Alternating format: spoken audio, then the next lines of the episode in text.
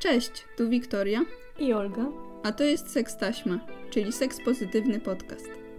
To bezpieczna przestrzeń, w której dzielicie się z nami historiami i doświadczeniami ze swojego życia, związanymi z seksualnością i relacjami, zarówno tymi ze sobą, jak i z innymi ludźmi.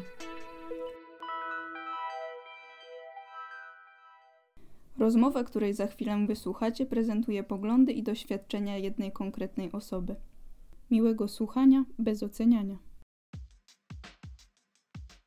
W dzisiejszym odcinku co nasza gościni myśli o oglądaniu pornografii będąc w związku? Jak wygląda podział ról w relacji dwóch kobiet? Dlaczego warto obejrzeć film Cheerleaderka? Jak komentarze rówieśników z dzieciństwa wpływają na postrzeganie siebie w dorosłości? Zapraszamy. Dzisiaj rozmawiamy z Martą. Marta ma 25 lat, jest psycholożką i seksuolożką Tubi. Cześć. Cześć. To zaczniemy z grubej róży.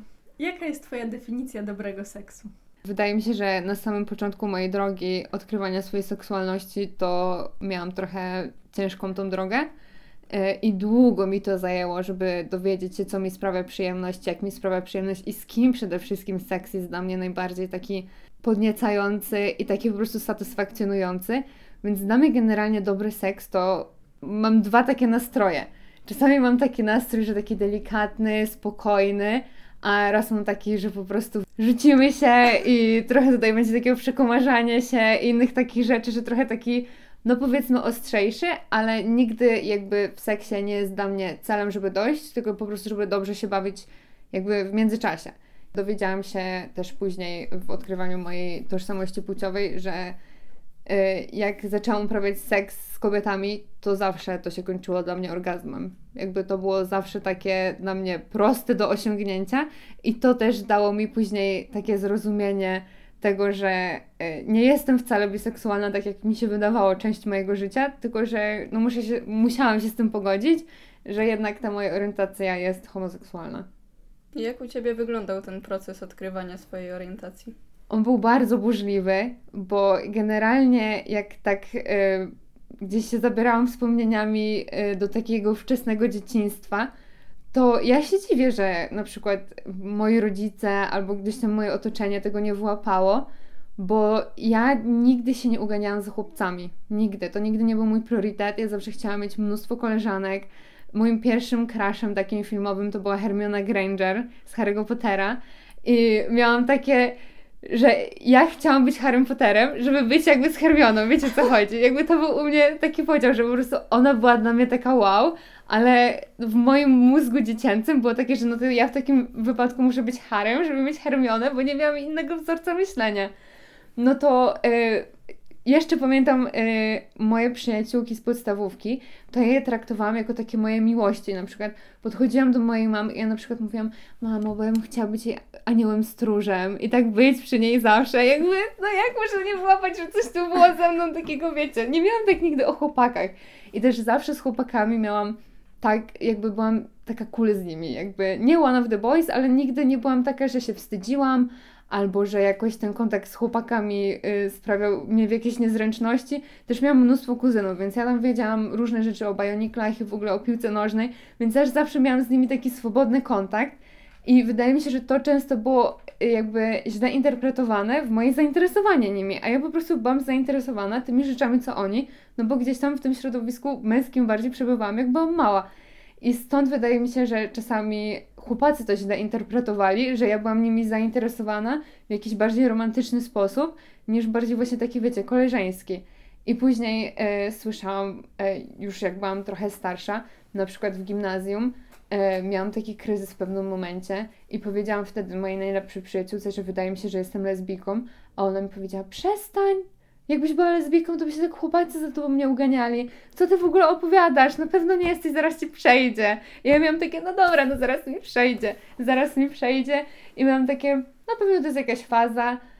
I później weszłam w taki bardzo długi związek, który był bardzo dla mnie z perspektywy czasu toksyczny, e, w którym e, moje nawet mówienie o tym, że jestem biseksualna było strasznie jakby negowane i ten chłopiec to y, strasznie jakby wypierał ze mnie tą moją część, mimo że opowiadałam mu różne rzeczy y, związane z tą moją seksualnością, to y, strasznie mnie jakby gaslightował w to, że mi się wydaje, albo że, że wcale tak nie jest.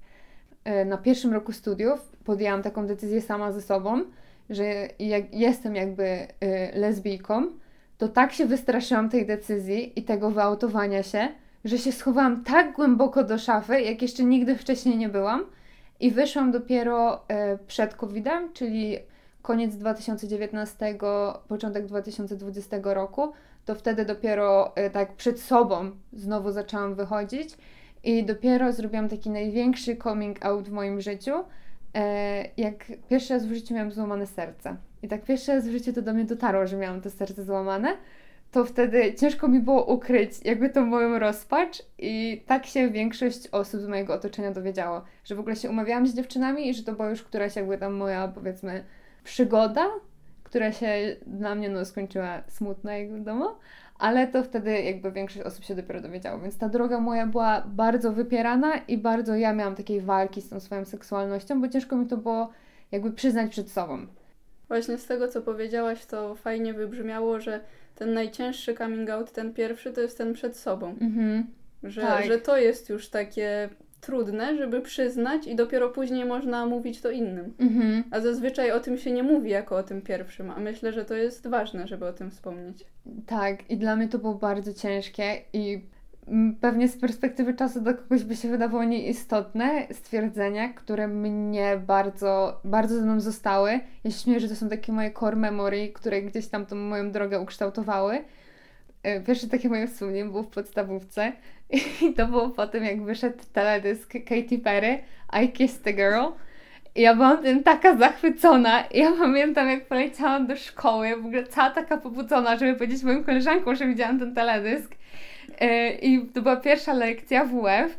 Ja się oczywiście spóźniłam, ja się spóźniłam do szkoły całe moje życie, ale już tam wbiegłam ubrana w ten mój strój, podchodzę do nich i mówię Jezu, widziałyście ten teledysk Katy Perry, I Kissed a Girl?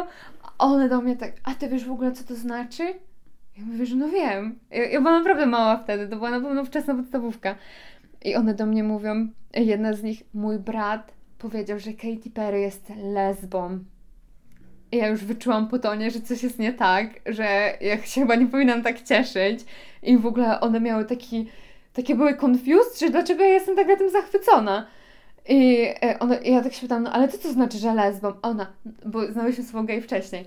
No, tak jak geje, tylko że z babami. I że to było takie, wiecie, złe, okropne, obrzydliwe i nawet ich mimika, ich wyrazy twarzy mi dały wtedy tak mocno do zrozumienia, że to jest złe słowo że to jest jakby obraźliwe, jakieś właśnie burzące nastroje i taki mód, no wtedy nie znałam tego słowa, ale wiecie, że widziałam po ich twarzach, że coś jest nie tak i że one są bardzo niezadowolone z tego, że ja w ogóle jakby się z tego cieszę. Mhm. I mam takie, a dobra, dobra, bo widziałam i tam wiecie, zaczęłam zmyślać jeszcze jakiś ten teledysk, że mi się podobał, że to nie był mój główny powód, dla którego ja byłam taka rozradowana.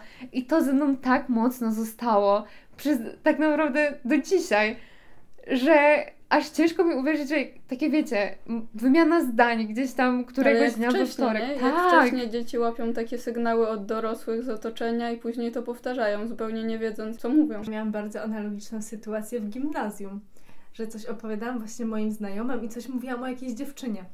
I ja w ogóle mówiłam w to w taki sposób, w jaki ja zawsze myślałam. I po prostu to powiedziałam i dostałam takie pytanie na twarz. Jest coś lesbą? I ja miałam takie, co? Nie, jest, dlaczego? Byłam taka przerażona, że ktoś w ogóle mógł tak pomyśleć i już przestałam tak mówić. Co nie? Jakby to było takie straszne, że ktoś może cię tak zaszufladkować, szczególnie, że wydaje mi się ten mm, wczesny 2000 rok, że obraz lesbijki to było jakby trochę inny niż teraz, wydaje mi się, że to była właśnie taka wielka baba.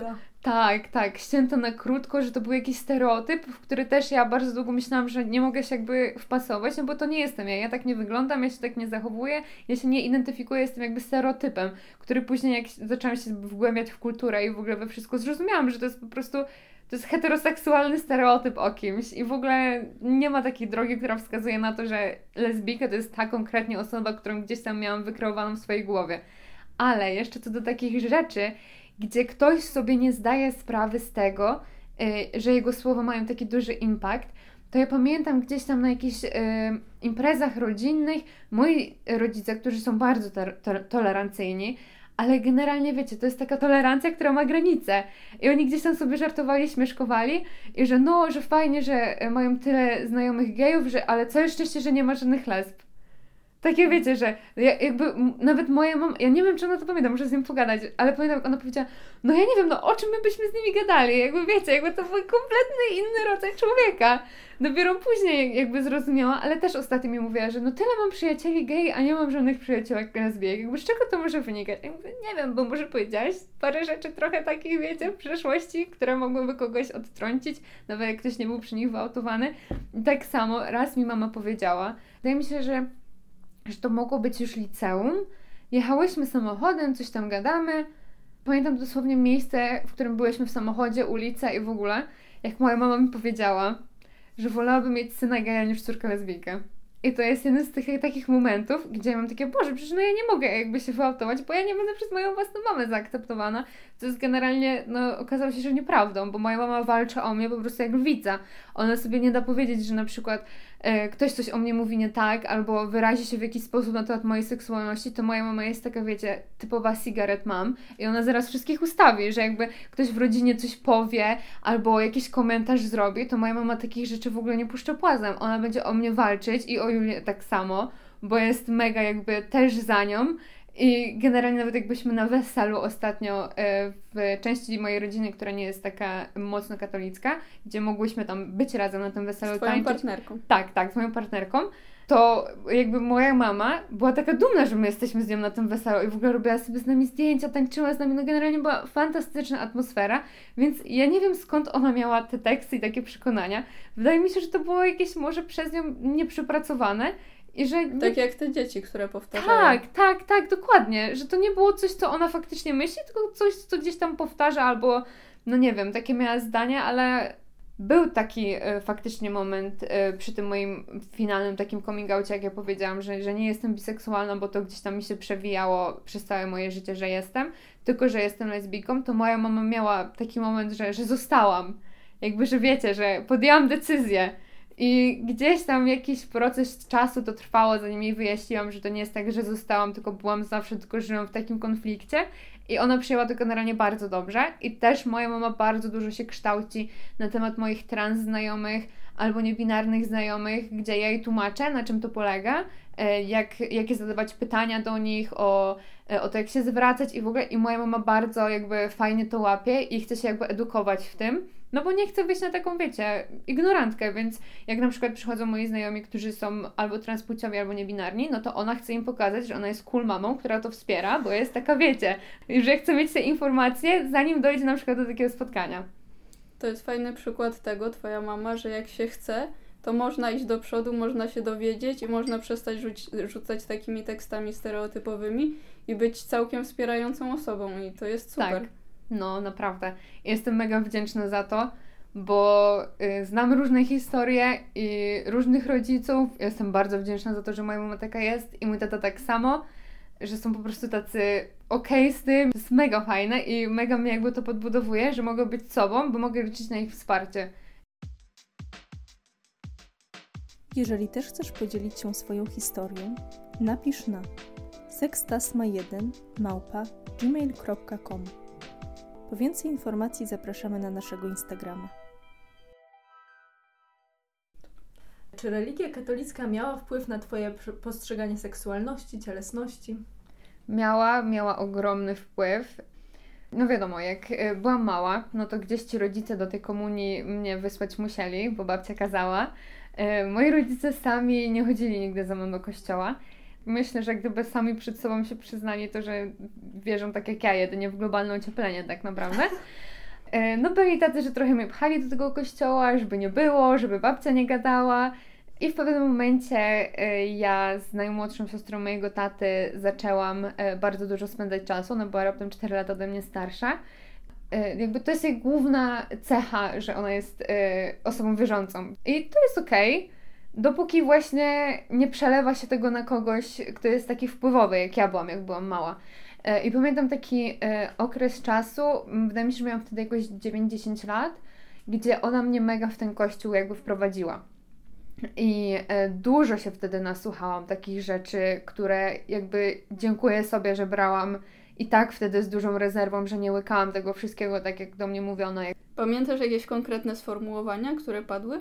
Pamiętam dużo takich sformułowań o czystości, o tym, że trzeba pozostać dziewicą, że to jest takie ważne, że żeby dopiero po ślubie jakieś kontakty seksualne mieć z, ze swoim oczywiście mężem, no bo z nikim innym i że trzeba generalnie no, żyć w tej takiej czystości. I to też pamiętam e, odnosiło się też do masturbacji i do takiego generalnie postrzegania swojego ciała jako coś, z czego ktoś może mieć przyjemność, to pamiętam, że to było tak właśnie karzące chłopcom to było, że y, można stracić wzrok od masturbacji, a u dziewczynek to, że coś może tam nie tak się później uformować, jak się będzie, wiecie, masturbować, że coś tam można sobie uszkodzić.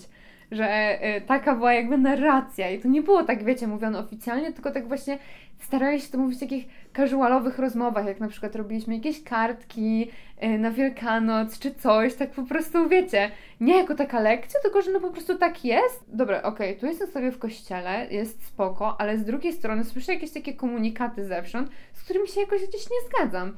Albo na przykład też pamiętam odnośnie pacywek tęczy jednorożca, że to są jakieś złe znaki, że próbowali mi wmówić, że to jest jakieś satanistyczne, że pacywka jest satanistyczna. I mam takie, kurde, no tak, no logikę, no nie, raczej nie ma nic złego, w, nie wiem, w jednorożcu jakby, no oglądam jakieś Barbie w telewizji, wiecie, ale no wtedy miałam takie, no przecież to jest takie normalne, jest to wszędzie, jest to na moich ubrankach i w ogóle no wątpię, żeby to było takie złe, jak one mi próbują wmówić.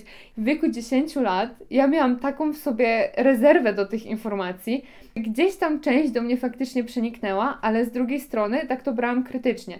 No ale jeszcze wracając do tego, że ja byłam w tym kościele, wtedy jak pamiętam na tamte czasy, no to taka szczęśliwa. Ale powiem Wam, miałam takie myśli, e, wieczorami. W sensie tak kładłam się i tak myślałam sobie, no bo jakbym teraz umarła, no to wydaje mi się, że co by było? No raczej nic by nie było. I miałam takie głębokie refleksje.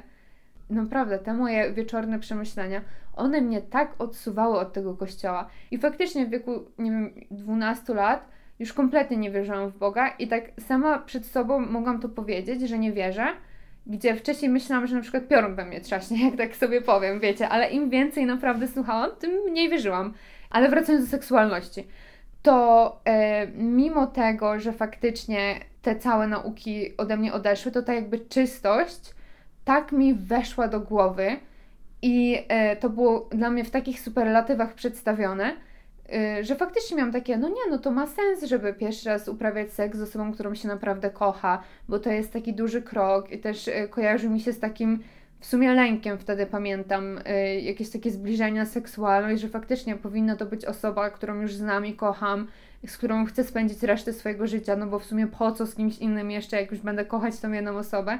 I gdzieś to długo ze mną zostało, właśnie do liceum, gdzie i tak jakby mm, w tym związku, w którym byłam, jak wiecie, miałam te 15 lat, to myślałam, że będę w nim do końca życia. I że to już będzie mój przyszły mąż i że faktycznie my weźmiemy ten ślub, no tylko ten seks będziemy uprawiać przed tym ślubem, no ale to i tak nie ma znaczenia, bo i tak weźmiemy ten ślub, jakby nikt się nie dowie, wszystko będzie ok. No ale później to też się u mnie zmieniło właśnie po tym moim pierwszym dużym rozstaniu miałam trochę, e, było mi faktycznie, pamiętam wtedy przykro, że już nie jestem dziewicą, już nie będę z tym chłopcem i co teraz? Jakby miałam takie, o kurde, a co jak teraz ktoś mnie nie będzie chciał, bo tak mi wiecie, wkręcali, wmawiali i faktycznie gdzieś tam słyszałam nawet wśród moich znajomych takie postulaty, to miałam trochę takie, kurde, trochę jestem już taka, wiecie, pozbawiona czegoś. Ale później jakby im byłam starsza, tym zaczynałam myśleć o tym, że nie jest to coś, co mi jakby odebrano, tylko coś, co po prostu nie definiuje mnie w żaden sposób jako osobę i też jakby dowiedziałam się więcej biologicznych rzeczy, że to jest, nie jest błona dziewiczy, tylko na przykład hymen. I miałam takie, to jest tylko fragment mojego ciała, jakby no nic się nie stało. Jakby to nie definiuje w żaden sposób tego, kim ja jestem.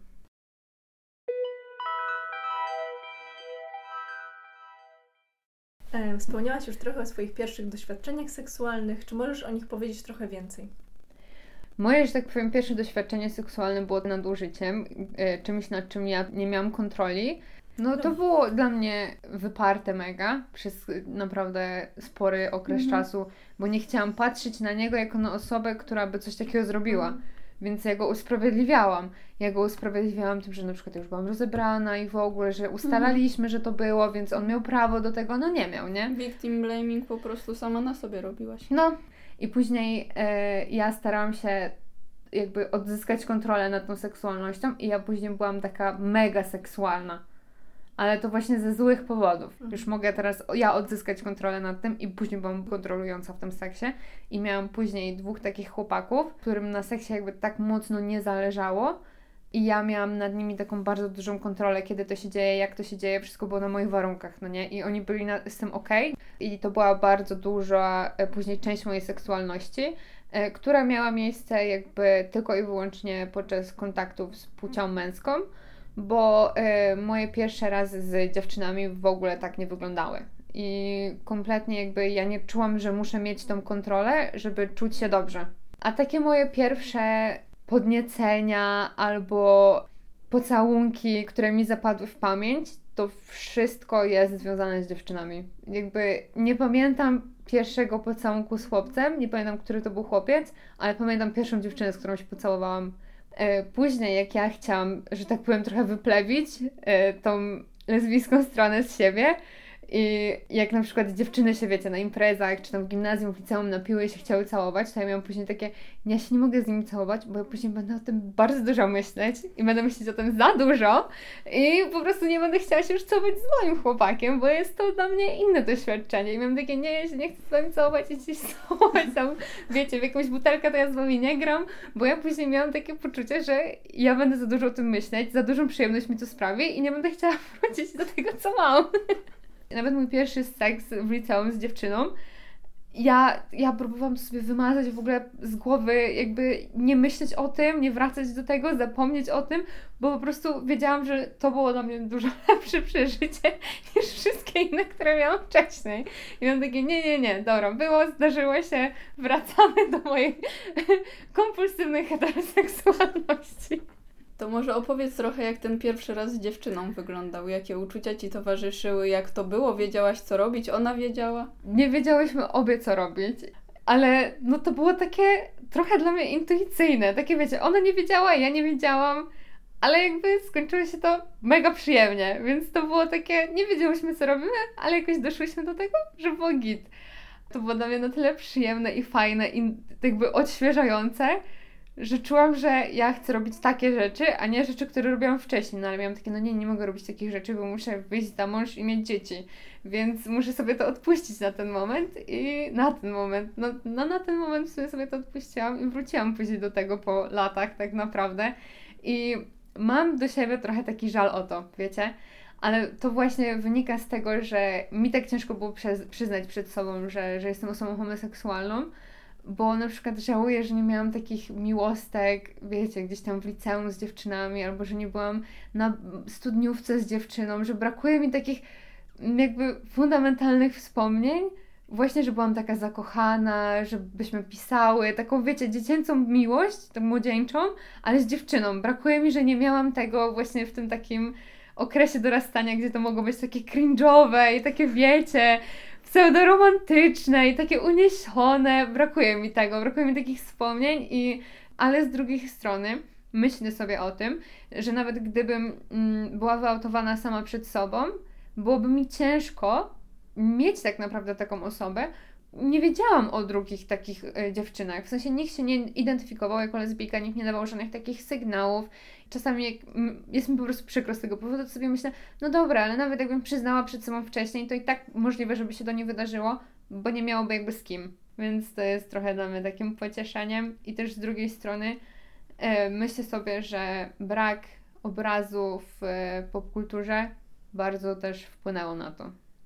No właśnie, to pomówmy o tym o, e, o tym, że brakuje, brakowało Dokładnie. mi tak naprawdę do dzisiaj e, obrazu lesbijek, osób homoseksualnych w takim na co dzień e, obrazie. Na przykład oglądaliśmy jakieś filmy, albo gadaliśmy o jakichś nawet znanych osobach, że są w związku, że planują ślub, że mają dzieci. Zawsze to były heteroseksualne osoby.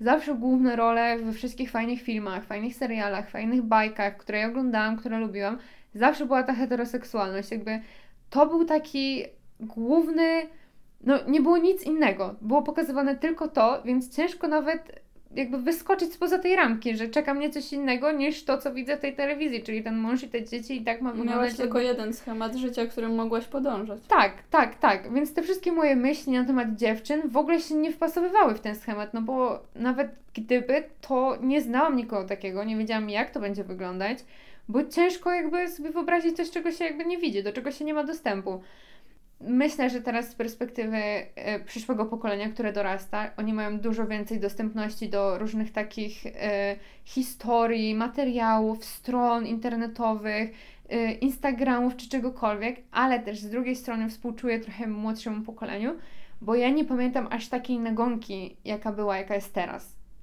Tak, ale z drugiej strony ja sobie często o tym myślę i też sobie myślę, że według mnie ten w ogóle brak jakiejkolwiek widoczności, ta niewidzialność w ogóle mhm. osób nieheterów w przestrzeni publicznej, w mediach, to według mnie jest bardziej szkodliwa niż nawet ta nagonka, bo wtedy widziałem przynajmniej jakieś e, suportowanie ludzi hetero, e, no w ogóle różnych grup, mhm. że ludzie się opowiadają, że ja nie mam nic przeciwko, że ja jestem za, w ogóle dajmy ludziom równość i że jednak czuję się, że oczywiście jest ta konserwatywna część, ale że jest też dużo osób, które są takie, że niech będzie normalnie w końcu. I mimo wszystko, jakbym miała wybierać, to ja bym wybrała e, to jak teraz. dzisiaj. Tak, dokładnie.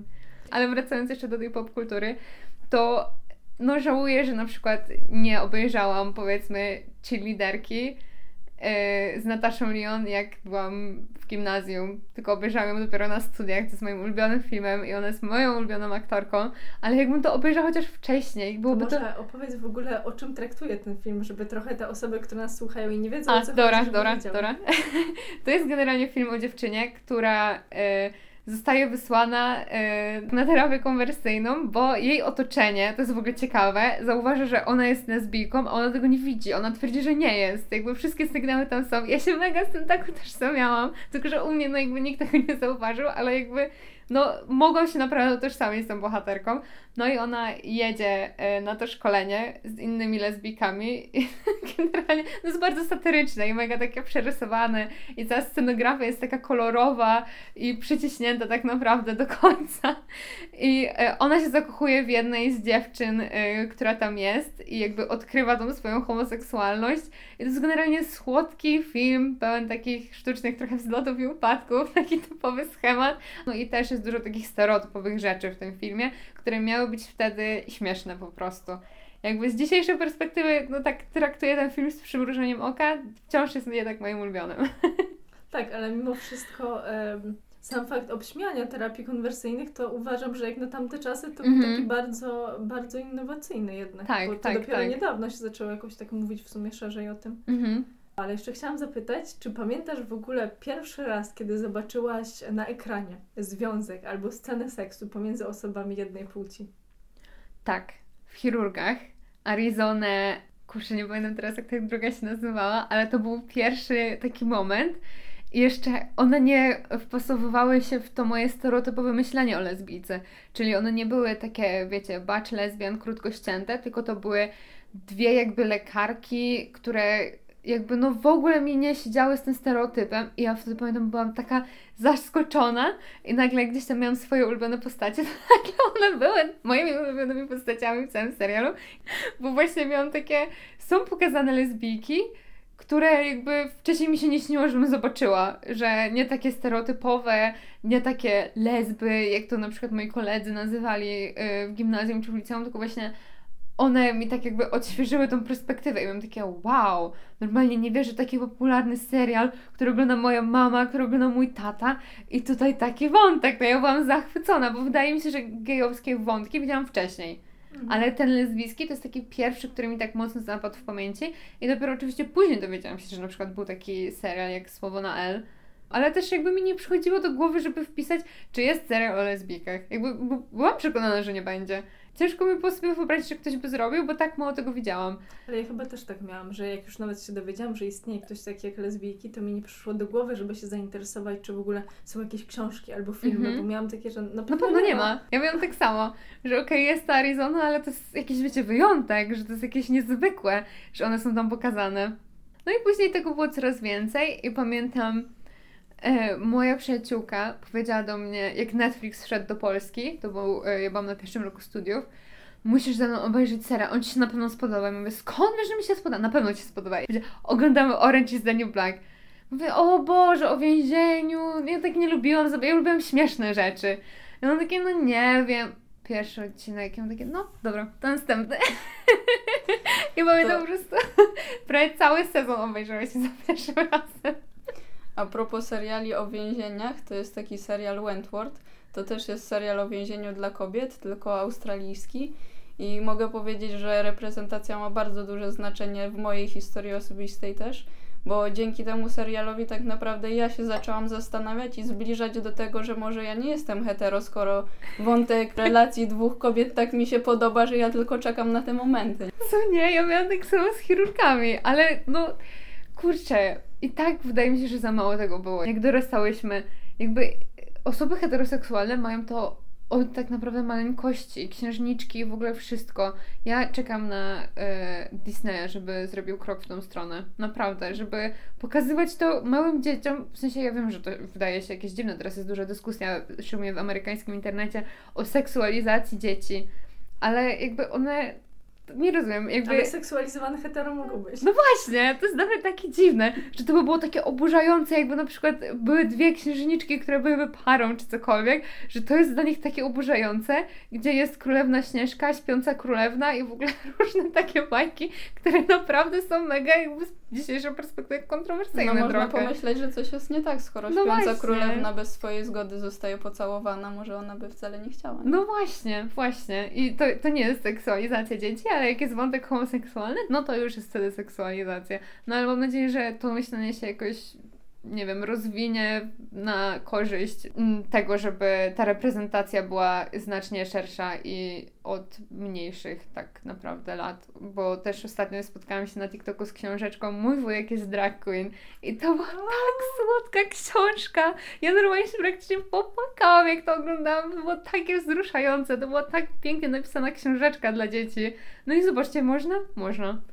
Ja bym była zachwycona taką książką, nie też była bardzo kolorowa, to jeszcze taka no, wyjątkowa historia i też normalizująca od najmłodszych lat, że wujek może być drag queen, jest super, jest fantastycznym wujkiem.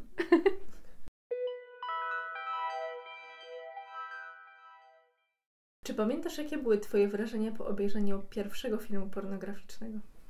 Pamiętam y, moje pierwsze jakby wyszukiwanie. To na pewno miałam więcej niż 11 lat, pewnie myślę, że 12-13 i pamiętam ten moment, jak zaczęłam wpisywać, już się dowiedziałam, co to jest wyszukiwarka incognito. I wiecie, i wpisałam sobie opowiadania erotyczne. To jest dla mnie hitem, że tak ciężko jakby mi było dotrzeć do tego, że jestem osobą homoseksualną, bo ja wyobrażałam sobie, jak czytałam te opowiadania, heteroseksualne, wyobrażałam sobie dwie dziewczyny, tylko jedna miała penisa. I ja naprawdę jak wracam do tego wspomnieniami, to jest tak dziwne, ale ja dalej byłam taka, wiecie, no tak uparta na tą heteroseksualność, że nawet moja wyobraźnia mówiła mi co innego, a mam naprawdę mega rozbudowaną wyobraźnię. Jak ja czytam jakieś książki fabularne, to ja widzę kontakty, gdzie są w ścianach. Jakby widzę wszystko w tej mojej głowie i widziałam i pamiętam nawet scenę z tej mojej wyobraźni, co tam sobie wyobraziłam, że na pralce jakieś tam rzeczy i to były właśnie dwie dziewczyny się całujące, ale jedna właśnie, no ja, tak jak czytałam to powiedziałam, no to druga miała jakby penis. I to było dla mnie takie, no bo musi tak być, no bo tak wygląda seks, no nie? Więc tak wyglądały te moje wyobrażenia. A później zaczęłam właśnie e, eksplorować pornografię i żałuję, bo mm, też wydaje mi się, że gdzieś to na mnie zbyt mocno trochę wpłynęło w takiej ekspresji, że zastanawiałam się, co w tej ekspresji seksu jest moje, a czego ja się nauczyłam od tych aktorek. Więc e, czasami myślę sobie, że jakbym tego nie oglądała, jaka ta ekspresja mojego seksu w łóżku by wyglądała, czy też była taka głośna i taka over the top czasami, bo wydaje mi się, że ja się tego nauczyłam po prostu z oglądania tych filmów i ja myślałam, że tak ma być. Mam takie dwa mudy. No to ja czasami sobie myślę, że ten jeden to jest mój taki spokojny, to taki, właśnie myślę, że taki by był, gdybym nie oglądała nigdy filmów pornograficznych. Oglądałam filmy pornograficzne różne, i lesbijskie, i heteroseksualne, i w pewnym momencie e, oglądam znacznie więcej e, homoseksualnych filmu, filmów, ale później zaczęłam ogarniać, że tak seks między kobietami nie może wyglądać, że to, że to jest jakieś. Coś mi, coś mi nie grało po prostu.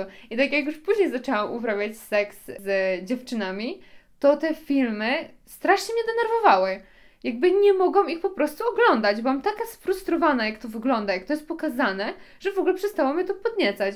I wróciłam dosłownie do filmów heteroseksualnych, które znałam i które miałam wywalone, czy to one tak wyglądają, czy nie. Nauczyłam się, że mnie to jakoś podnieca i mogę dojść przy tym, więc oglądałam sobie te filmy.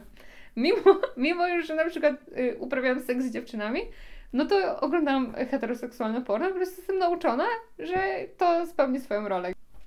A jak ty i twoja partnerka podchodzicie do masturbacji i do oglądania pornografii oddzielnie? Nie uważamy tego, że to jest jakaś zdrada albo że to jest jakieś nie. Okay. Jakby obydwie y, mamy bardzo, bardzo praktycznie identyczne, identyczną relację z pornografią.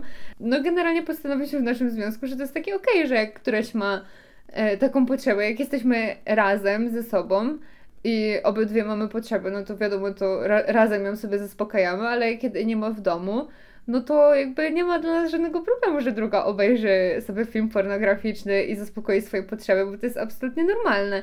Na, ja na przykład mam tak bardzo często przed okresem, że to jest dla mnie taka no bardzo silna potrzeba, żeby jakoś zrelaksować i jak jej nie ma w domu, bo jak jest, no to jeżeli też ma ochotę, no to uprawiamy razem seks, ale jeżeli nie, no to po prostu oglądam sobie i tak samo ona i uważam, że to jest okej. Okay. Ale też może warto powiedzieć, że nie zawsze ma się ochotę na seks, ale na przykład konkretnie na jakąś daną aktywność. Właśnie mhm. tak jak mówisz, na odprężenia, na orgazm, który nie musi być zaspokojony w, z partnerką czy z tak, partnerem. Tak, tak, dokładnie, dokładnie. To też warto znać jakby wspólne granice z partnerką i z, lub, lub z partnerem, ale też takie swoje, że na przykład jeżeli chcę, no to to zrobię i powinnam mieć do tego jakby możliwość że nikt nie powinien mi tego zabraniać, że na przykład nie mogę teraz sobie obejrzeć czegoś i się zaspokoić. I właśnie, no my się dobrałyśmy pod tym względem, myślę, że idealnie.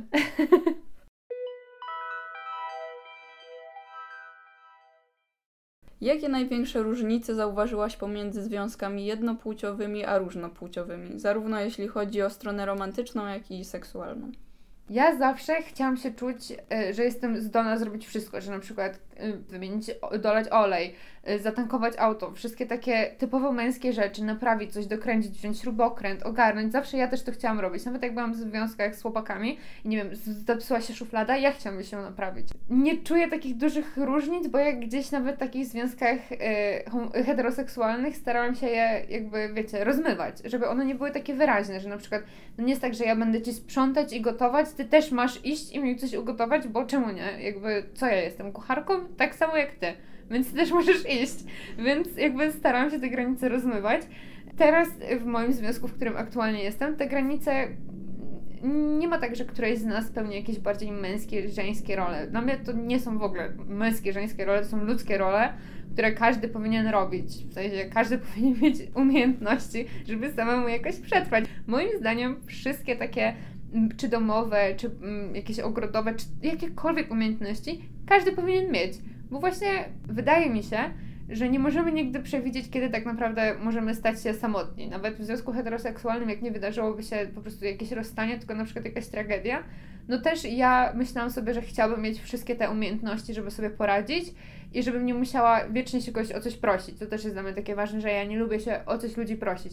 Więc też te role mamy no między sobą bardzo płynne. I też uważam, że powinno tak, to powinno, ten wzorzec powinien być w tych heteroseksualnych związkach, który bardzo podzielił te role i wydaje mi się, że to na dłuższą metę się nie sprawdza tak naprawdę. I tak życiowo, i tak nawet w domu, no bo wiadomo, w domu ta kobieta ma więcej tych obowiązków, to też powoduje frustrację i też się spotykam z moimi pacjentkami, które opowiadają mi o tym i ja widzę, że to jest duży problem przez to, że te role są tak podzielone.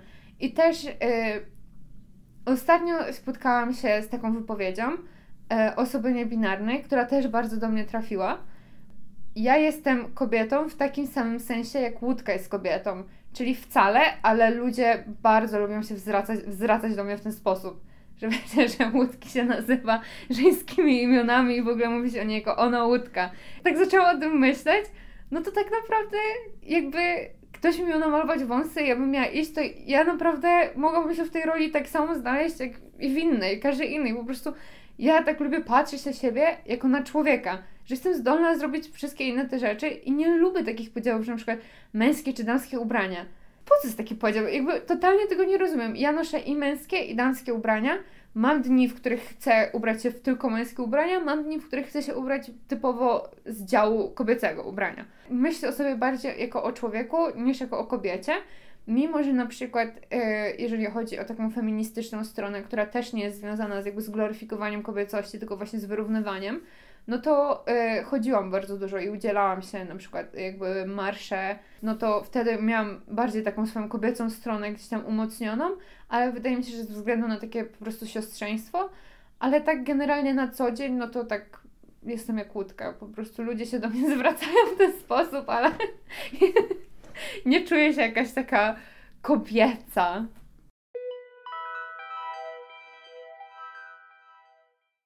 Czy możesz nam trochę opowiedzieć o swojej relacji z ciałem? Czy możesz powiedzieć, że lubisz swoje ciało, czy masz jakieś kompleksy? To też była trochę dla mnie taka wyboista droga, żeby dojść do momentu, w którym jestem. Yy, miałam obraz ciała i dalej mam w głowie obraz tego ciała, które jest dla mnie idealne, które wiem, że ja chcę tak wyglądać. I ten obraz tego idealnego ciała naprawdę nie, nie jestem w stanie Wam powiedzieć, kiedy mi do tej głowy wszedł. Pamiętam go od zawsze, czyli płaski brzuch, długie nogi, ładne piersi, jakby zawsze to gdzieś nade mną wisiało i ja chciałam do tego dążyć. Ja jestem dosyć wysoka, mam 1,73 m. Były takie momenty w moim życiu, gdzie ważyłam 50 kg, bo cały czas próbowałam dążyć do tej sylwetki, którą gdzieś sobie ubzdurałam i to takim kosztem właśnie mocnych treningów i w ogóle i nawet jak wydaje mi się tak z perspektywy czasu byłam bardzo zbliżona do tej sylwetki, o krok od osiągnięcia jej, myślę, że i tak nie czułabym się z tym moim ciałem wtedy tak, jak się czuję z nim teraz, czyli taka zaakceptowana. Bo na przykład moje ciało kocham za to, że mi mnie niesie. W sensie, że jest sprawne, że mogę wejść po schodach, że mogę przebiec 12 km, mogę coś rozkręcić, naprawić, prowadzić samochód. Generalnie jestem wdzięczna za to, że moje ciało funkcjonuje i to mi dało najwięcej miłości do tego ciała. Nie te diety, nie te skrupulatne ćwiczenia, dążenie do tej sylwetki, to nie dało mi takiej miłości do mojego ciała, jak dała mi taka wdzięczność do tego, że jest po prostu sprawne. I to mi zajęło bardzo dużo czasu, żeby dojść do tego. Bardzo mi pomógł w tym Instagram o dziwo, gdzie właśnie spotykałam się z takimi stwierdzeniami, żeby być wdzięcznym za swoje ciało, że jest tak sprawne, jakie jest. To jest po prostu ważne dla mnie. I to mi dało najwięcej miłości do swojego ciała, ale mimo, że chcę być wdzięczna dla niego i szanować je, to i tak y, mam takie zaleciałości właśnie z tego, że dążyłam do tego, żeby wyglądało w pewien sposób, że na przykład potrafię stanąć przed lustrem i mam takie, no tu mam to, tu mam to, no dobra, no mam, no i co mam z tym zrobić? No mogę zrobić to, no mogę już, nie wiem, nie zjeść dzisiaj. A mam takie, czemu mam nie zjeść? Jest, nie wiem, 18, zjem, przecież to jest zdrowe, żebym zjadła. Generalnie łapię się na tym, że szukam takich rzeczy w tym ciele, które mogłabym zmienić, i od razu mi się pojawiają jakieś takie niezdrowe, niezdrowe ścieżki, żeby dążyć z powrotem do tej figury i muszę tak sprowadzać się na ziemię, przypominać sobie tę wdzięczność i sobie myśleć, ok, chcesz wrócić do ćwiczeń, zrób to w zdrowy sposób, bo kiedyś y, ćwiczyłam tak, że rozwaliłam sobie odcinek lędźwiowy, więc y, mam takie, ok, możesz wrócić, ale jakby rozsądnie po, poćwiczysz sobie, zobaczysz jak się z tym czujesz i też powtarzam sobie cały czas, bo mam to wiecznie ukute w głowie, że na przykład jak już zacznę ćwiczyć i będę ćwiczyć tydzień, czy tam dwa tygodnie, że czemu moje ciało jeszcze tak nie wygląda jak chcę, wiecie co chodzi? Mi ciężko jest zrozumieć, że to jakby jest czas, progres i w ogóle.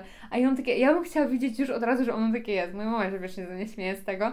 No ale teraz jak na nie patrzę, no to widzę, mam kompleksy Staram się ich nie mieć, ale to też no, mogę się starać. Ale widzę, że na przykład ten mój brzuch nie wygląda tak, jakbym chciała, żeby wyglądał. Ale z drugiej strony, jak myślę sobie o tym, co mogłam zrobić, no to akurat jestem w takim momencie w moim życiu, że jestem strasznie zajęta i ciężko mi znaleźć czas na to, żeby akurat ten brzuch poćwiczyć. Chcę robić jakąś inną aktywność fizyczną, gdzie mogę w międzyczasie robić jakby coś innego. Ja to tak nazywam, że na przykład mogę iść na spacer i przemyśleć sobie na przykład mój plan na tydzień albo zrobić sobie jakiś mindfulness, czyli robię dwie rzeczy na raz i przy spacerze jest mi to zrobić łatwiej niż przy bieganiu, gdzie jestem bardziej taka, wiecie, skupiona na tym, żeby, żeby biec, żeby, żeby trzymać oddech, trzymać posturę.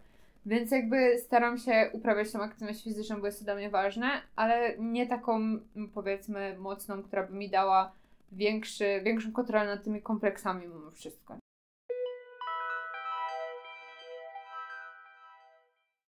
Co byś powiedziała młodszej Marcie, żeby poczuła się mniej zagubiona i bardziej zrozumiana?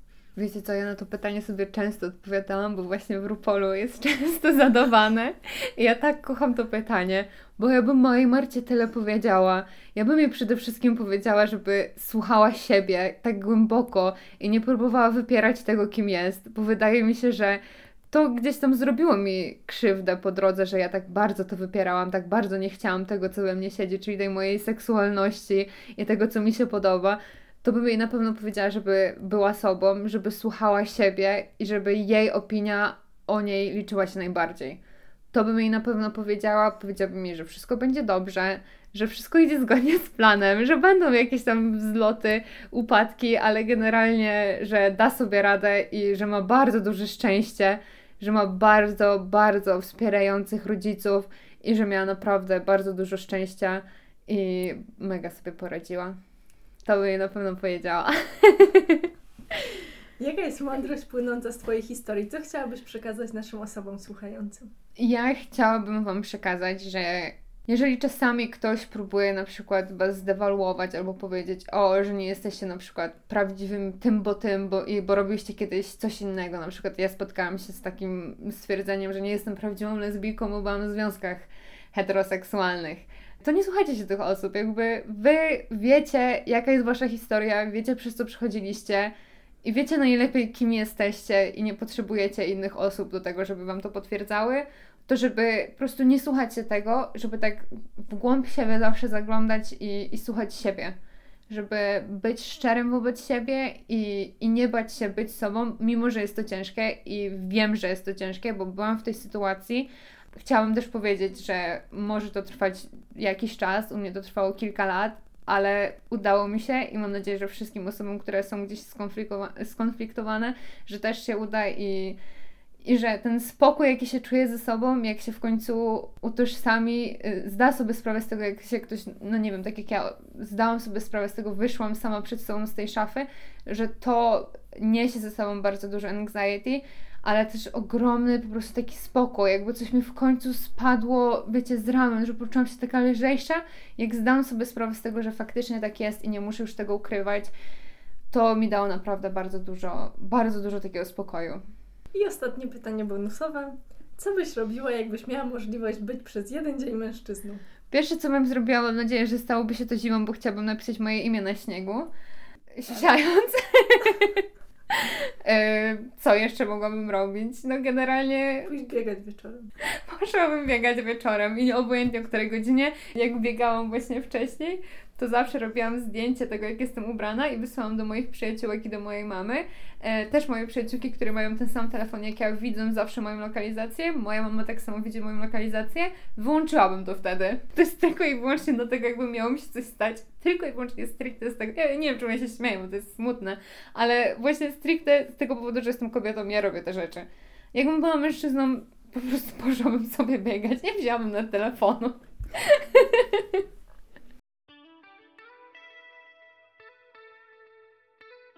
Dziękujemy Wam za wysłuchanie dzisiejszej rozmowy. Zachęcamy do obserwowania sekstaśmy na Spotify i Instagramie. Do usłyszenia.